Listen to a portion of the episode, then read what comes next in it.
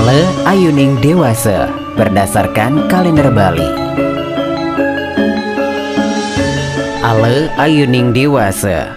15 Februari 2022 Baik untuk upacara penyucian diri Baik untuk memberikan petuah-petuah Baik untuk mengerjakan sawah atau tegal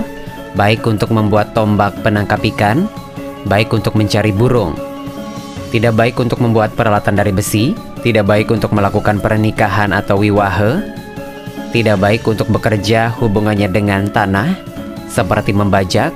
bercocok tanam, dan membuat terowongan. Sonora Bali FM 98,9